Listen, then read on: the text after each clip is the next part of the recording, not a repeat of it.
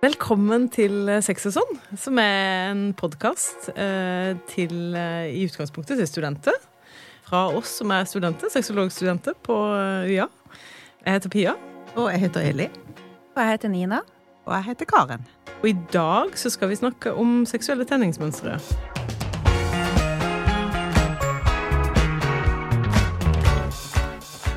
Så tanken vår er jo at vi har eh, laga denne podkasten rett og slett for at folk skal bli mer opplyst om alt som handler om seksualitet. Og tanken òg er jo det med at vi skal reflektere. For vi sitter ikke med all informasjon, så vi skal jo sammen i denne podkasten finne litt mer ut. Hva er egentlig seksuelle tenningsmønstre? Hvordan skal vi forstå de? Vi tenker jo at uh, ikke bare studenter, men alle trenger jo liksom å kunne noe om seksualitet. Og i alle fall om seksuelle tenningsmønstre, som er så viktig i vårt seksuelle liv, da. Vi som sitter her, vi er kanskje mer enn normalt interessert i seksuelle problemstillinger. Jeg holdt på å si mer interessert i sex, da. Det det for det kan jo misforstås, da. Det er jo det folk tror når man går på sexologistudiet, at nå er man så interessert i sex. sex. De har sex hele tida. Um, er det ikke sånn? Jeg skal, jeg skal få folk til å ha sex. Mer sex. Ja, vi kan, skal kanskje lage en episode om det, da? Ja til mer sex skal vi lage. Ja, til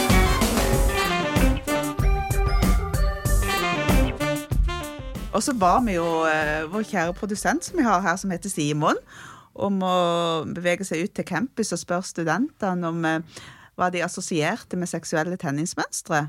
Og det kom jo veldig mange interessante og spennende svar der. Gjorde, mm. gjorde det det?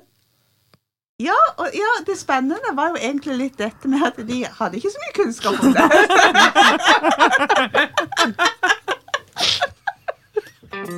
Hva tenker du på når jeg sier seksuelle tenningsmønstre? Å, oh, fy faen. Uh... Hva man liker. Hæ? Ja. Rett og slett? Rett og slett. Oi. Aner ikke, for å være helt ærlig. Om det er liksom samme ting som går igjen og igjen. At det er ting man tenner på som på en måte har blitt et mønster. da. Jeg tenker litt mer sånn hormongreier. Sånn faglig. Sånn Vitenskap, rett og slett. Faglig. Ja, har du hørt om det ordet før? Nei. Aldri. Nei. Nei. Får ikke så mye assosiasjoner med det.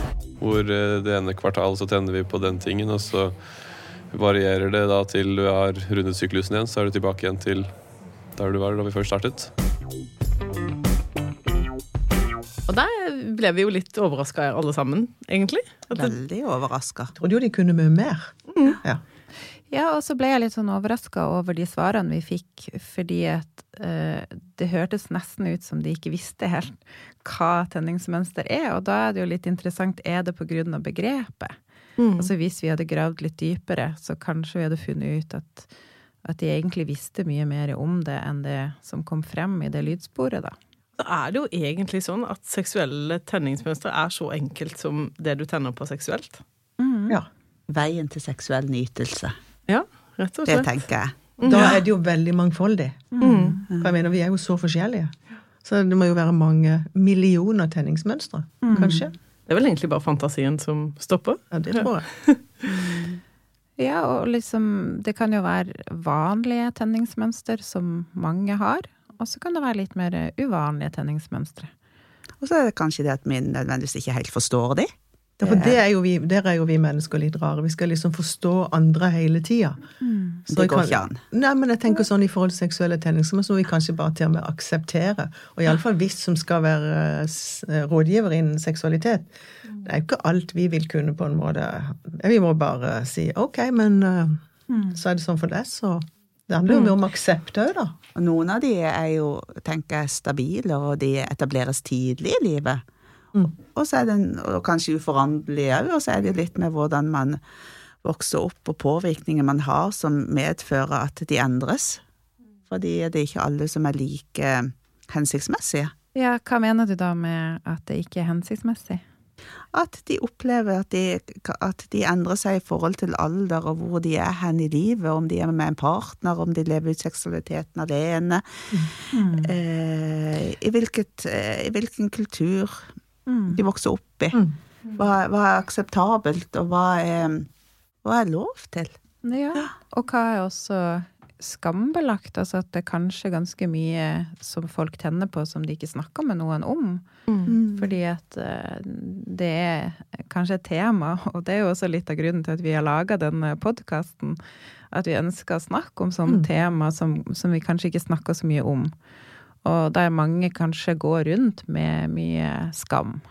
Så hvordan kan vi da bringe inn eh, litt mer åpenhet? Da kommer jeg liksom tenker litt sånn i forhold til det med seksuelle tenningsmønstre, at egentlig er de veldig naturlige. Men så er det jo litt det som du sier noe om, Nina, det med at de kanskje stenges av, er nettopp fordi at det er noen normer i samfunnet som sier noe om at det er, de er normbrytende. På en måte, de er ikke akseptable, man kan ikke leve de ut. Og våger ikke på en måte da å ha den åpenheten. For en er redd for de konsekvensene som en kan bli møtt med. Men, men kan det også være for eksempel at hvis man tenner på føtter, så tenker man at eh, ja, det er jo ikke noe med seksualitet å gjøre. Så vil man definere det som at man ikke har et tenningsmønster. Ikke sant? For det er jo akkurat det som er litt interessant med disse temaene. Altså når vi snakker om kink, mm. fetisjer, BDSM, alle disse begrepene som kommer inn under tenningsmønster, Ja. så er det jo veldig mange eh, forskjellige måter å forklare de på. Og til og med fagfolk er uenige i hvordan vi skal forklare disse begrepene. Mm. Ja. For det er jo klart at altså, Det kan jo være alt fra typ, altså, personer, objekter, handlinger, ritualer, følelser, eh, opplevelser. De lærde strides jo i forhold til akkurat dette med hva er som er fetisj. Og det fant vi jo mer ut at det er rett og slett en tenning på type objekter, da. Som ikke nødvendigvis eh, forbindes med noe seksuelt i Nei. utgangspunktet. Men så er det jo noen fetisjer som har blitt mer eh, normalisert. For eksempel hvis vi snakker om en fotfetisj, da, Mm. så er jo det kanskje noe som er litt mer eh, akseptert enn enn en del andre fetisjer. Så det er vel ikke bare Det er jo ikke bare objektet, det blir jo kroppsdel òg. En fot er jo en kroppsdel. Ja. Når vi snakker om fetisj, så er jo det i utgangspunktet objekter. Altså, kink var vel mer noe som Opphisse oss seksuelt. Mm. Ja, men som en egentlig ikke nødvendigvis trenger. Når vi sitter sånn og lurer på hva er begrepene, ikke sant? Hva ligger i fetisj, hva ligger i kink? Det er jo ikke så rart at eh, Nå sier jeg den vanlige eh, mann og kvinne lurer på hva dette er. Kan bli veldig forvirra, tenker jeg. Så er det kanskje ikke så rart om ikke de er så sykt opplyst om det heller. For det, hvis ikke vi hadde vært interessert i dette temaet, er ikke sikkert vi hadde sittet og gravd sånn i litteraturen som vi gjør heller, for å finne ut hva betyr egentlig dette. Men vi skal jo opplyse. Eh, altså det med seksuell tenning har jo, påvirkes jo av så utrolig mange ting, da. Altså det- det- alder, eh, seksuell orientering, eh, altså politisk ståsted, altså religi religiøsitet. Altså det er ganske mange ting som påvirker på en måte hvor man hvor man står hen, da. Altså tilknytningsstil, for eksempel, er jo kjempeviktig i forhold til, til akkurat dette med ja, Spesielt kanskje med omsorg og sånn, da. De, noen oppstår jo ganske tidlig i livet. Altså det, det kan jo være et uttrykk for et sånn omsorgsbehov. Med å få gjenskapt noe av seksualiteten, så er det jo liksom dette med å vaske hverandre og gi omsorg og altså De har gått glipp av noe i, tidligere i livet, da. Omsorgssvikt vi kan slå ut i en fetisj. Leiefetisj. Ja. De som utvikles veldig tidlig i livet, de er jo veldig ofte mye vanskeligere å endre. Men også til og med Jeg tenker det kan være forskjell på om man er vokst opp sør i landet i Norge, eller nord i landet. Ja, og det kan jo være forskjell fra, fra familie til familie også. At i noen familier så er man flinkere til å snakke om eh, følelser, man er flinkere til å snakke om seksualitet fra en tidlig alder på en naturlig måte, som gjør at det blir mindre skam. Og da er man åpen og kanskje ikke så redd for å, å åpne opp om det i parforholdet, for eksempel, eller i den relasjonen man er i, fordi at man er vant til å snakke om ting.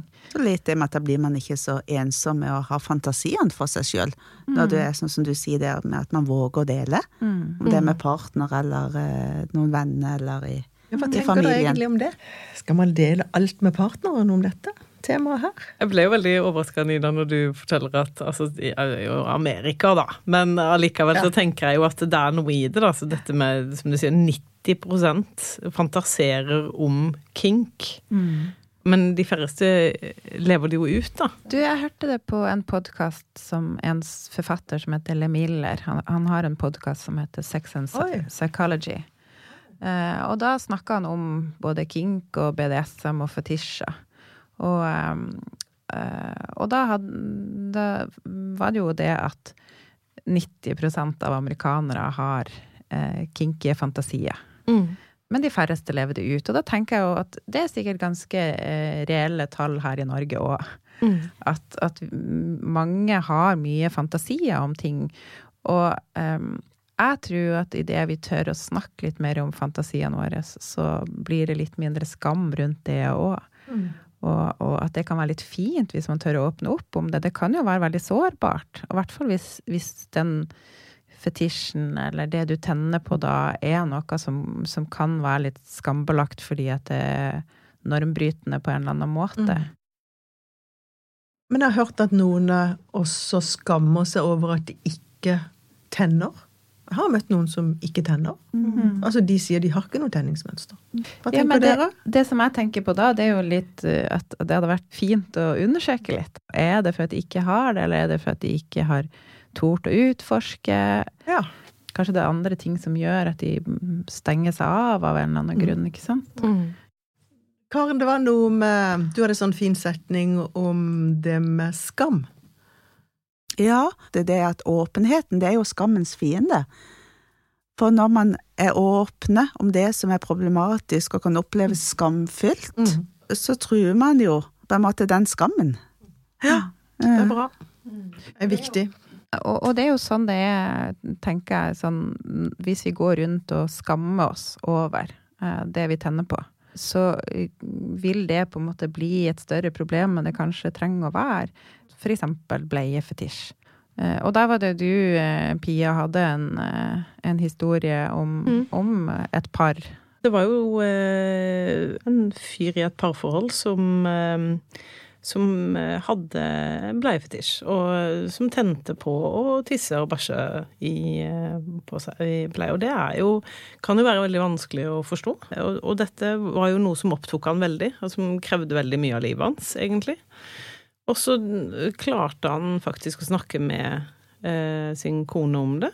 Eh, og da fikk, fant de jo en løsning på det. Altså hun eh, var jo veldig sånn tydelig på at nei, dette tror jeg ikke jeg kan på en måte forholde meg til.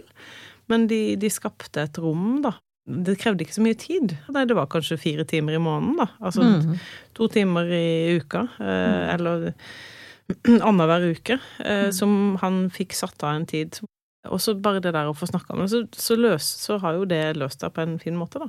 Men du sa jo der, Pia, at det var jo veldig problematisk for han før det ble en åpenhet om det. For han tenkte veldig mye på hvordan han skulle greie å praktisere sin fetisj, ikke sant? Men kan jo Og det forstå tok- det, for det er jo ikke en Jeg tenker bleiefetisj, det er jo ikke kanskje den fetisjen som Man tør å være åpen om. Nei, det kan jeg faktisk godt forstå. Jeg syns hun var ganske raus, den dama. Um, som var villig til å gå han i møte. Og det at han var vå våge å være åpen og så ærlig. For det er jo noe med på en måte jeg tenker at mange av de som ikke er åpne, er jo nettopp redd for konsekvensene. Fra omgivelsene, og kanskje det, det såreste er jo fra en partner som en lever livet med. Og ikke kunne være ærlig om hva en tenner på.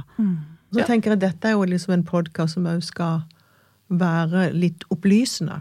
Sånn at jeg tenker at hvis det er noen av våre lyttere nå som er borti samme problemstillinger, så, så har du jo også lov å synes at dette er veldig komplisert for deg.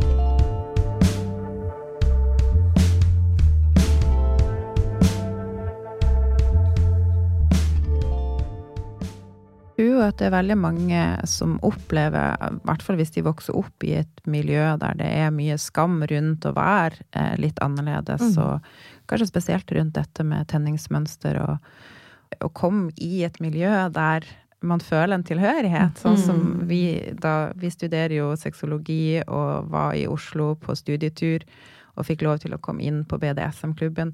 Og apropos det, hva er egentlig BDSM? Det er jo ikke sikkert alle lytterne våre vet hva BDSM står for.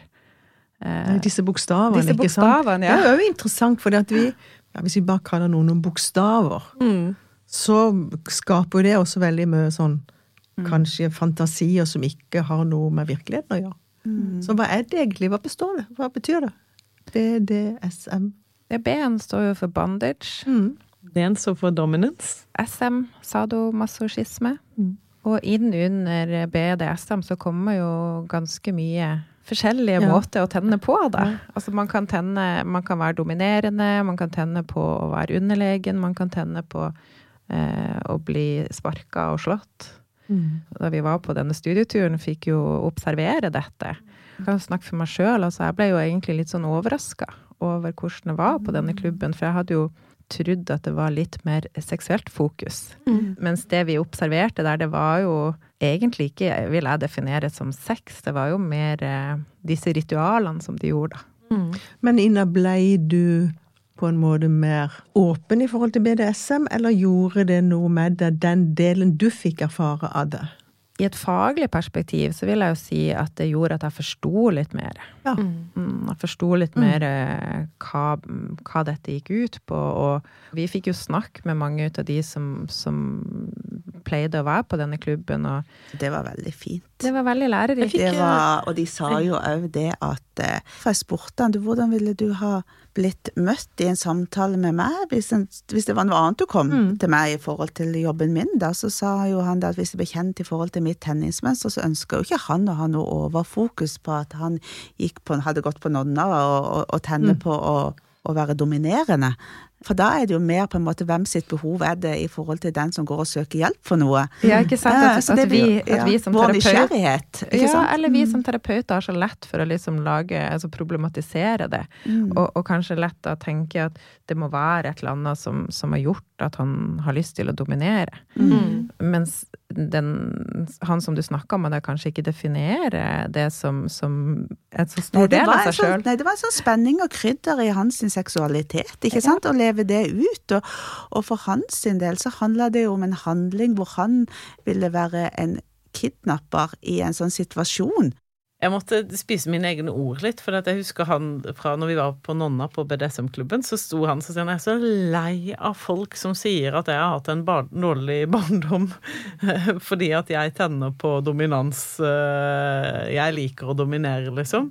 Eh, Men jeg har hatt en veldig fin barndom. altså sånn så jeg bare Det er selvfølgelig. Det, altså vi, vi er også litt sånn sosialarbeidere. Vi blir jo fort litt sånn at vi skal ha en forklaring. Det er jo ikke alltid at det er sånn heller, ikke sant? Og noen tenningsmønstre endres jo. Eh, noen som, som har fortalt at de eh, kanskje nesten har gått fra å være aseksuelle til å nesten bli dominerende i, i ulike typer parforhold, da.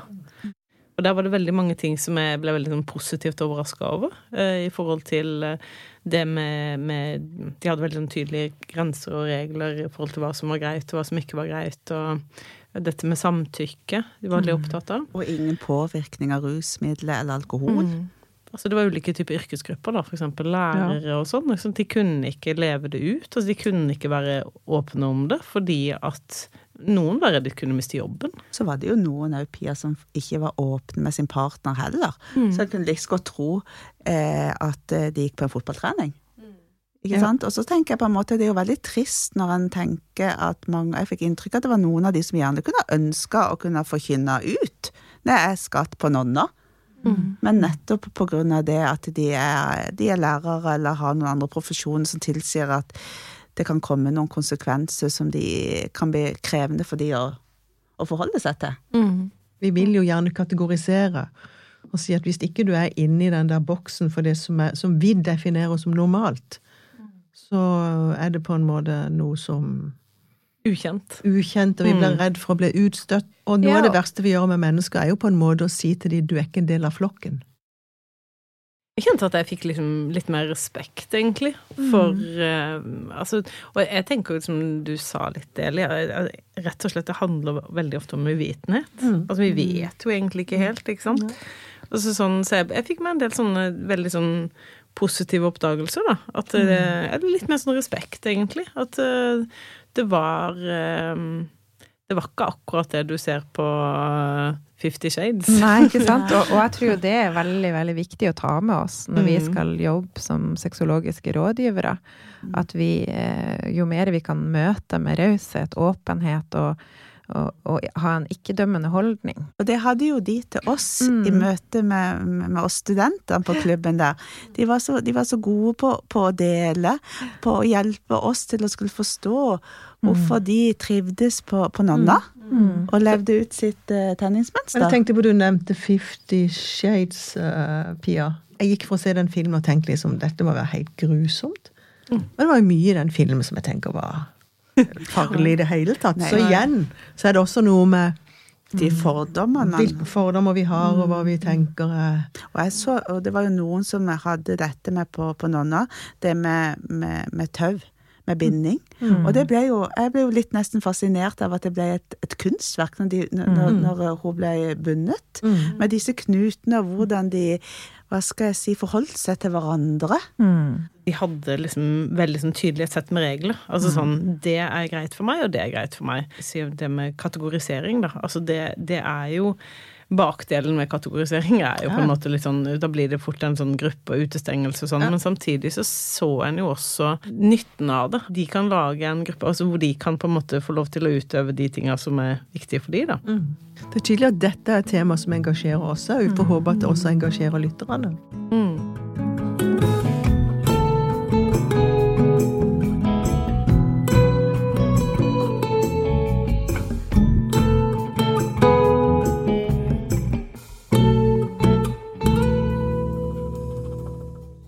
Før vi begynte med denne podkasten, så hadde vi jo også skrevet en oppgave om pornografi. Men, men da var det jo også det at, at vi, vi var inne og søkte på Pornhub, blant annet.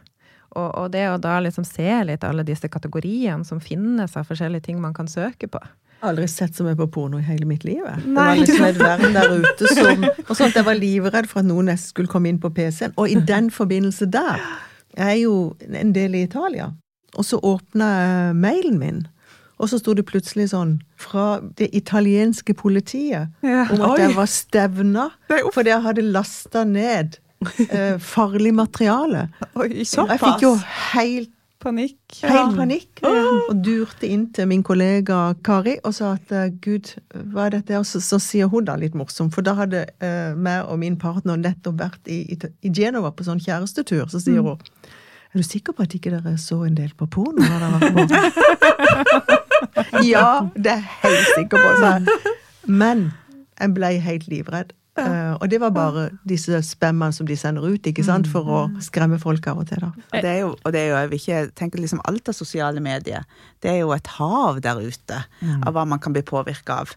Og spesielt disse her unge. Det så vi jo i den der oppgaven vi skrev om porno, hvor, hvor um, unge de var. Sånn som bare de mellom 9 og 11. Eh, som hadde sett. Og som ikke på en måte sjøl har et, et forhold til sin egen seksualitet. Men tror du de ble tent av det? Jeg Jeg tror de blir ble forvirra. Jeg tenker jo veldig fort at, at grensene kan på en måte utvides og overskrides. Altså sånn Hvis man tenker liksom, hva er det som er normalt, hva er det som er normalt for meg å tenne på? Et veldig forstyrra bilde får de jo, tenker jeg. Ja, de det. Men det jeg tror er veldig viktig der, det er jo det at kanskje har de ikke funnet ut av sitt eget tenningsmønster før de blir utsatt for disse veldig grove filmene som de kan bli utsatt for ganske tidlig. Noen av de guttene som går hos meg, har jo fortalt at de, det har vært de sin inngangsport til seksualiteten. Det har vært å se på porno. Og da får de liksom et sånn, som en sa veldig tydelig Ja, jeg trodde jo at alle pupper så sånn ut, som sto rett opp, og jeg trodde jo at alle kvinner så sånn ut nedentil, som førstepartneren jeg hadde, da. Um, så, så jeg tenker det skaper mye sånn forvirring og Men også en sånn voldsom prestasjonsangst i forhold til det å ha seksualitet, da. Skal være på en spesiell måte. Og det er jo når de får det blikket på på en måte litt det som pornoen fremstiller som mye sånn brutal og grov eh, sex. Ja. Og hva det gjør med de unge. Første møte med en partner hvor de tenker at det er dette som er det normale. Det er dette som forventes av meg. Men kan pornografien være også fin? Mm, ja, det kan det jo. Som noe som tenner oss. Else Almås øhm, er jo en av våre lærere på sexologistudiet, og Elsa har jo lang, lang erfaring. Hun er jo professor i sexologi. Jeg husker Elsa sa i gang på en forelesning at øh, før i tida så kunne man få mer erotiske filmer. Mm. Som på en måte noe som gjorde at en hadde lyst og fikk lyst sammen. Jeg tenker at eh, så lenge vi nå har, snakker om seksuelle tenningsmønstre, så er det noe med Kan det også være noe fint med pornografien? Ja, Mm. men så tenkte jeg litt dette med pornoen, det er jo, og med disse unge, for det er jo nå da snakker jo vi nå til lyttere som er studenter, som er tidlig i livene deres. Og det er jo nettopp dette med på en måte det med hvordan det kan være vanskelig, og det med å skal sette grenser, da. Dette med at jeg tenker jo en del som erfarer med at ja, nå var kjæresten min med meg når jeg var og shoppa eller så en typisk jentefilm på kino, så nå må jeg gi han noe tilbake, en sånn klassisk byttehandeltrend som kan bli veldig både destruktivt og skremmende. Ja, og, og det er jo der jeg tror at åpenhet er Mm. viktig, da. For idet man kan snakke litt mer om at det å gå veldig ekstremt i eksempel den seksuelle handelen, som det jo her hørtes ut som du snakker om, Karen. Akkurat At det- nå, ja. ja. At det er liksom Når han har tatt meg med på kino, så skal jeg betale han tilbake med, med sex. Og hva er det vi gjør da i den sexen? Jo, da gjør vi det som vi har tror at vi må gi. Som kanskje ikke er det man sjøl tenner på, eller, eller kanskje det er også noe som er grenseoverskridende for den enkelte. Og da er jo vi voksne på en måte som må begynne tidlig. Når du er 14 eller 13 år, det har jo vært med tema, så tenker jeg at du, du har ikke noe kunnskap om livet. Da må jo vi som fagfolk, eh, foreldre, tørre å snakke noe med våre unge mennesker om at eh, Ja, om alt det fine. Om alt det fine. med seksualiteten Ja. og alt som kan Så i det man tar med seg sine egne grenser, sin egen nysgjerrighet på sin egen kropp, eh, hvordan kan jeg være kobla på meg sjøl samtidig som jeg er kobla på den som jeg har eventuelt sex med? Hvordan skape felles glede og nytelse. Og tørre å snakke med barna eller de unge menneskene om at det er noe som heter seksuelle tenningsmønstre. Eller si det på en annen måte, sånn at det blir mer forståelig.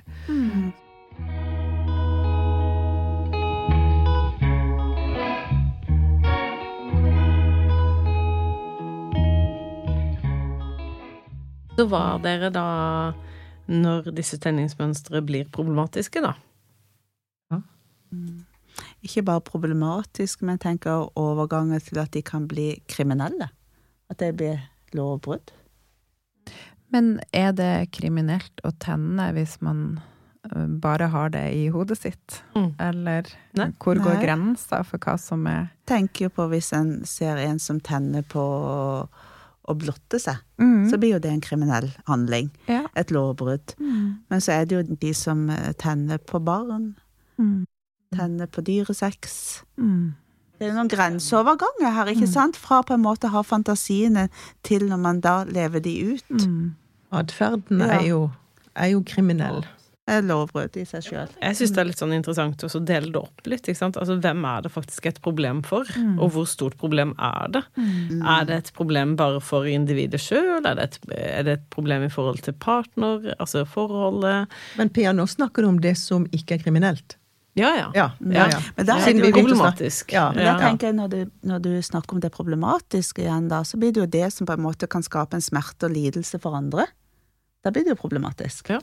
Vi var jo litt inne på det tidligere. altså Det der med når man har et tenningsmønster som du ikke tør å prate om eller leve ut. Det er jo definitivt problematisk, men det kan jo også være kriminelt. Men det er jo kun hvis du praktiserer det. Så det finnes jo ganske mange sikkert som tenner på barn som ikke lever det ut.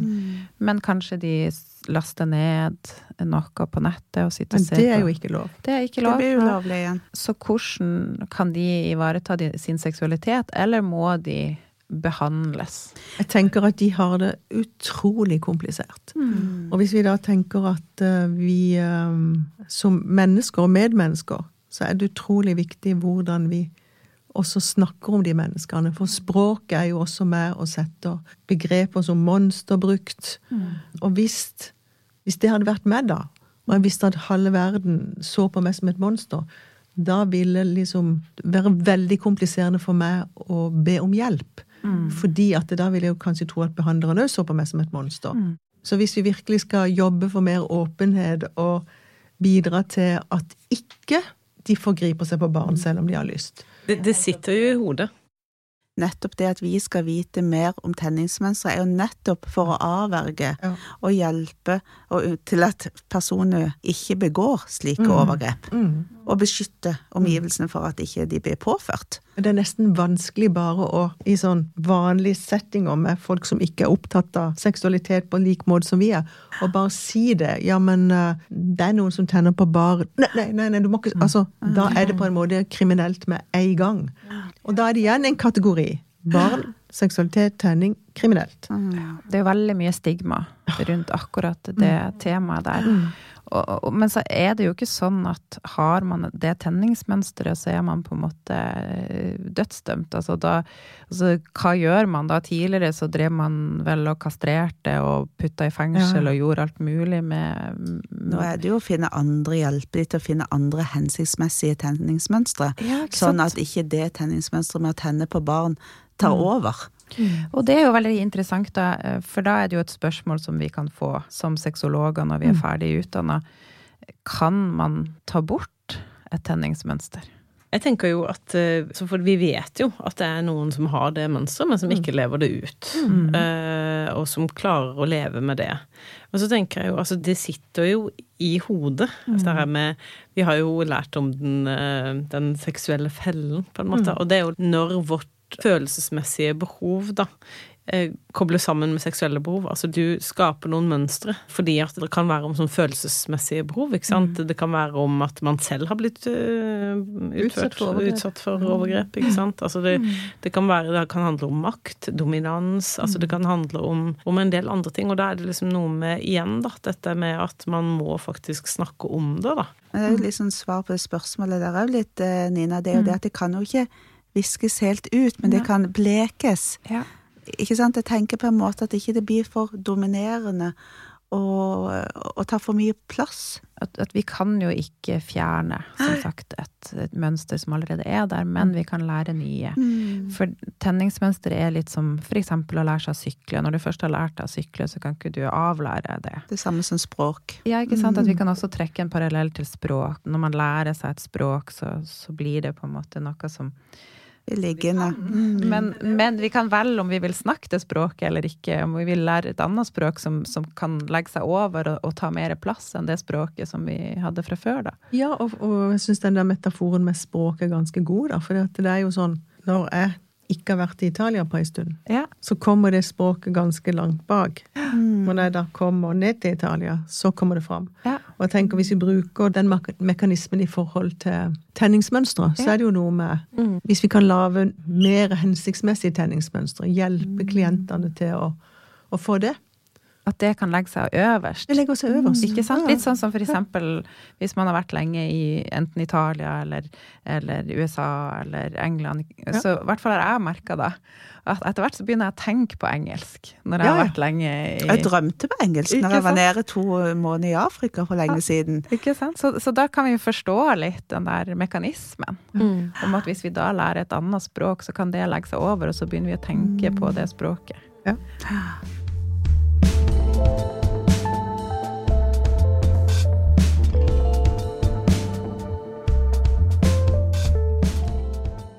Jeg må si sånn personlig, så altså, jeg måtte jo gå noen runder med meg selv også. Tenningsmønstre. Altså sånn Har jeg noe tenningsmønster? Det er jo liksom noe med at Jeg kjente meg litt igjen med liksom disse små, korte intervjuene med, med, med studentene. Litt sånn på hva hadde du svart sjøl hvis du hadde blitt spurt? Ja, ja, Hvis. Timon hadde spurt det? Ja, Ja. rett og slett. Jeg tror kanskje at det, Nei, det Men Hva men det- du ut da, Pia? Nei, det var Nå må du dele! Nei, men jeg tror, jeg tror at, at tenningsmønster også kan endre seg. Altså med forskjellige typer partnere, med, i forskjellige sted, stadier i livet. Men jeg tenker jo altså det som ofte kan bli litt, litt sånn klassisk for mange, da, det er jo det der med A4-livet og barn, og man tar seg ikke tid til å tenke på hva er det egentlig som tenner meg, da.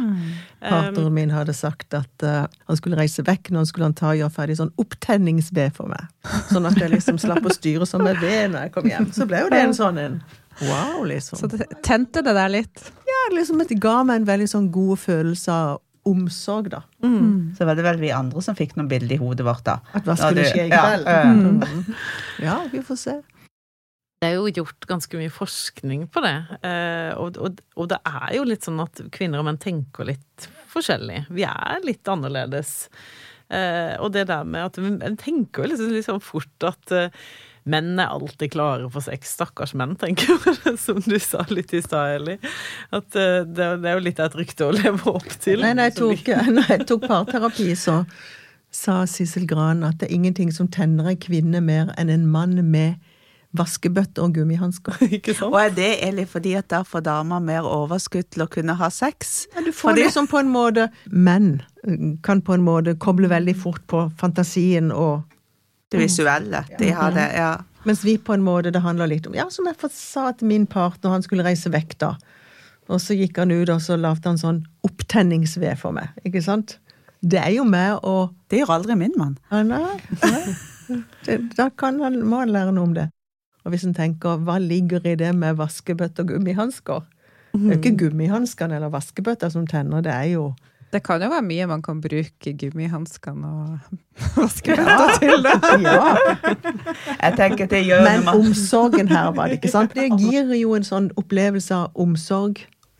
Og ble ivaretatt. Som også er en døråpner hvis en skulle hatt problem med f.eks. lyst. da. Jeg tenker jo at sånn generelt sett da, i et parforhold, så tenker jeg jo litt sånn kommunikasjon og eh, fokus på hverandre. Og hvis man tenker sånn Hva kan jeg gjøre for deg i dag? Det, det burde jo være noe som alle par spør hverandre hver dag. Hva kan jeg gjøre for deg i dag for at du skal ha det bra? Mm. Og så hvis vi drar det inn i senga, så kan vi si sånn Hva kan jeg gjøre for deg i dag for at du skal tenne? Ja, For eksempel. Ja. Sånn at ikke det blir liksom det der fastlåste, eller det rigide, eller det trauste. Ja. Ja. Og den, den eh, nysgjerrigheten og Pirringa. åpenheten og det å liksom vise oppmerksomhet. Jeg tror det er det det mye av det handler om, også når du forteller om det, Eli, at.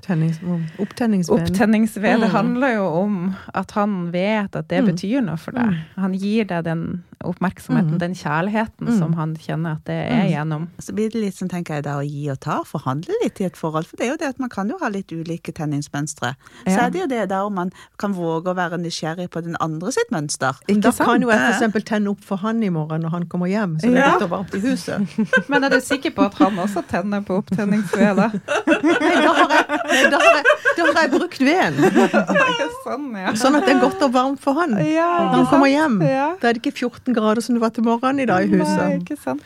Nei, men jeg tenker det, For det er jo sånn i det normale, da. Altså sånn, for det er jo klart at det, altså, tenningsmønster kan jo være alt fra eh, helt sånn konkrete ting, altså fetisjer og sånne ting, men, men det der med å ha det godt i et parforhold, da. Det der med å tørre å liksom utforske litt, og tørre å snakke om det.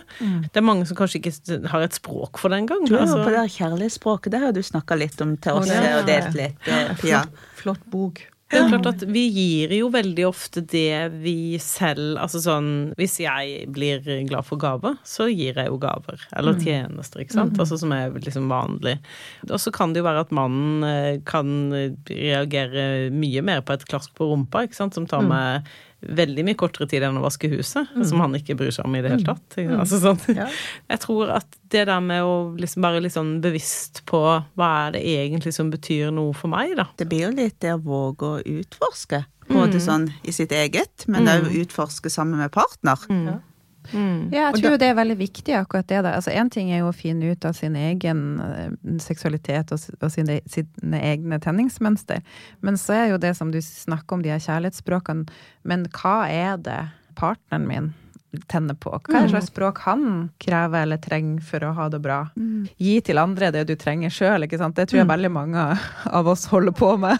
Og så er det jo kanskje noen da, sånn som de som går på nonna, ikke sant, som ikke våger å fortelle, eller som får beskjed om at nei, men det kan ikke du leve ut i, i vårt forhold, så det må du leve ut. Jeg tenker for noen som har kommet inn litt sånn seint i denne episoden. Nonna, var det det, var det, det som var en sånn BD? BDSM-klubb Ja. ja, i Oslo, som vi besøkte. Ja.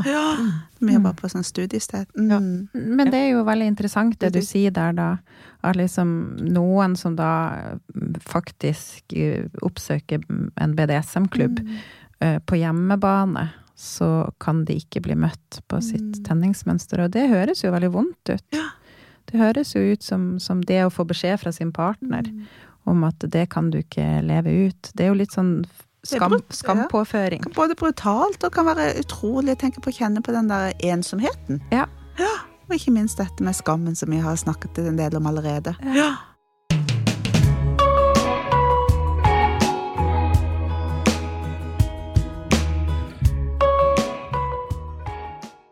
Hva er sant, og hva er usant? Tenningsmønstre, er det noe sånn eh, At det er noen fasit, tenker du? Er det noen fasit? Er det noen fakta? Er det noe fun fakta? Er det noe som vi burde ta med liksom, på slutten av episoden? Hva tenker dere? Pia, du hadde jo en litt sånn knasen eh, Knasen eller snasen. Knasen og snasen. uh, nei, altså ja eh, Jeg ble jo litt overraska selv, faktisk. Altså Et sted mellom 500 og 1000 dør årlig av såkalt kvelningssex, da. Oi. Dette her med å liksom Var det på verdensbasis, da? Ja. Ja. Nesten miste pusten før du um, Ja, idet du Ja, for det er visst en sånn orgasme. eh, Altså, du, du oppnår en slags sånn eh, Transe. transetilstand Mm. i den der eh, kvelninga. Men du, det er jo fryktelig skummelt, for det er jo så lite som skal til. For det er jo den der balansegangen der med når kan du faktisk resultere i at jeg mister liv. Ja, jeg leste i den boka til Almås og Benestad leste jeg at, at mange som Der det så ut som at de hadde hengt seg. At det Ja. egentlig handler om kvelningssex. Ja, den boka 'Sexologi i praksis'. Ja. Ja. Og tenk på unge mennesker da, som lærer sin seksualitet gjennom pornografien. Mm. Og en har jo vett at det har vært et tema blant unge mennesker. Veldig grov så, sex. så det er jo en av de der uh... Og de, de som på en måte kan det, de sier jo at dette her, dette her må du kunne. Altså det, Ja. det er Du må Det er et vite hva du holder studium, på på en med. måte, nesten. Ja. Ja, men du må virkelig vite hva du holder på med, og sånne Ja. ting er jo også viktig å opplyse unge Mm. folk om at dette kan faktisk være fatalt, så du må vite hva du holder på med. Så på den andre sida så er det jo Ja. veldig deilig å vite at hvis vi har jevnlig sex, Ja. Så er det veldig, veldig bra for hjertet vårt. Sex en gang i uken kan redusere faren for slag med 50% 50 og hjertelidelse med 30% Det er jo nesten det, som med din løpetur. Det er faktisk ganske mye. Ja. Det er 50 det er ja. mye, det. Tenk på det. Og så er det jo mye lykke, lykkehormoner. Det er jo veldig mye som er fint for hele systemet vårt. Når vi, og den nærheten, ikke sant. Oksytocin og det som det gir oss å være nær hverandre. For menn så er jo utløsning er jo forebyggende på prostatakreft. Så menn som har jevnlig utløsning, de, de er så egentlig veldig sunt, da. Veldig sunt. Og ja til mer sex, det er jo også noe vi Det skal snakke Det mer om. det var. Det som var målet vårt. Vi begynte, med det vi begynte med, og det ser ut som det er det vi slutter med òg. Så kan vi vel egentlig bare si at uh, snakk om det. Jeg tror det. Snakk om sex og sånn. Ja. Snakk om sex og sånn. Mm. Det er bare gøy. Tør å være åpen, og tør å være nysgjerrig. Og aksepterende. Og ikke glem hva du kan være tenner på. Takk for oss!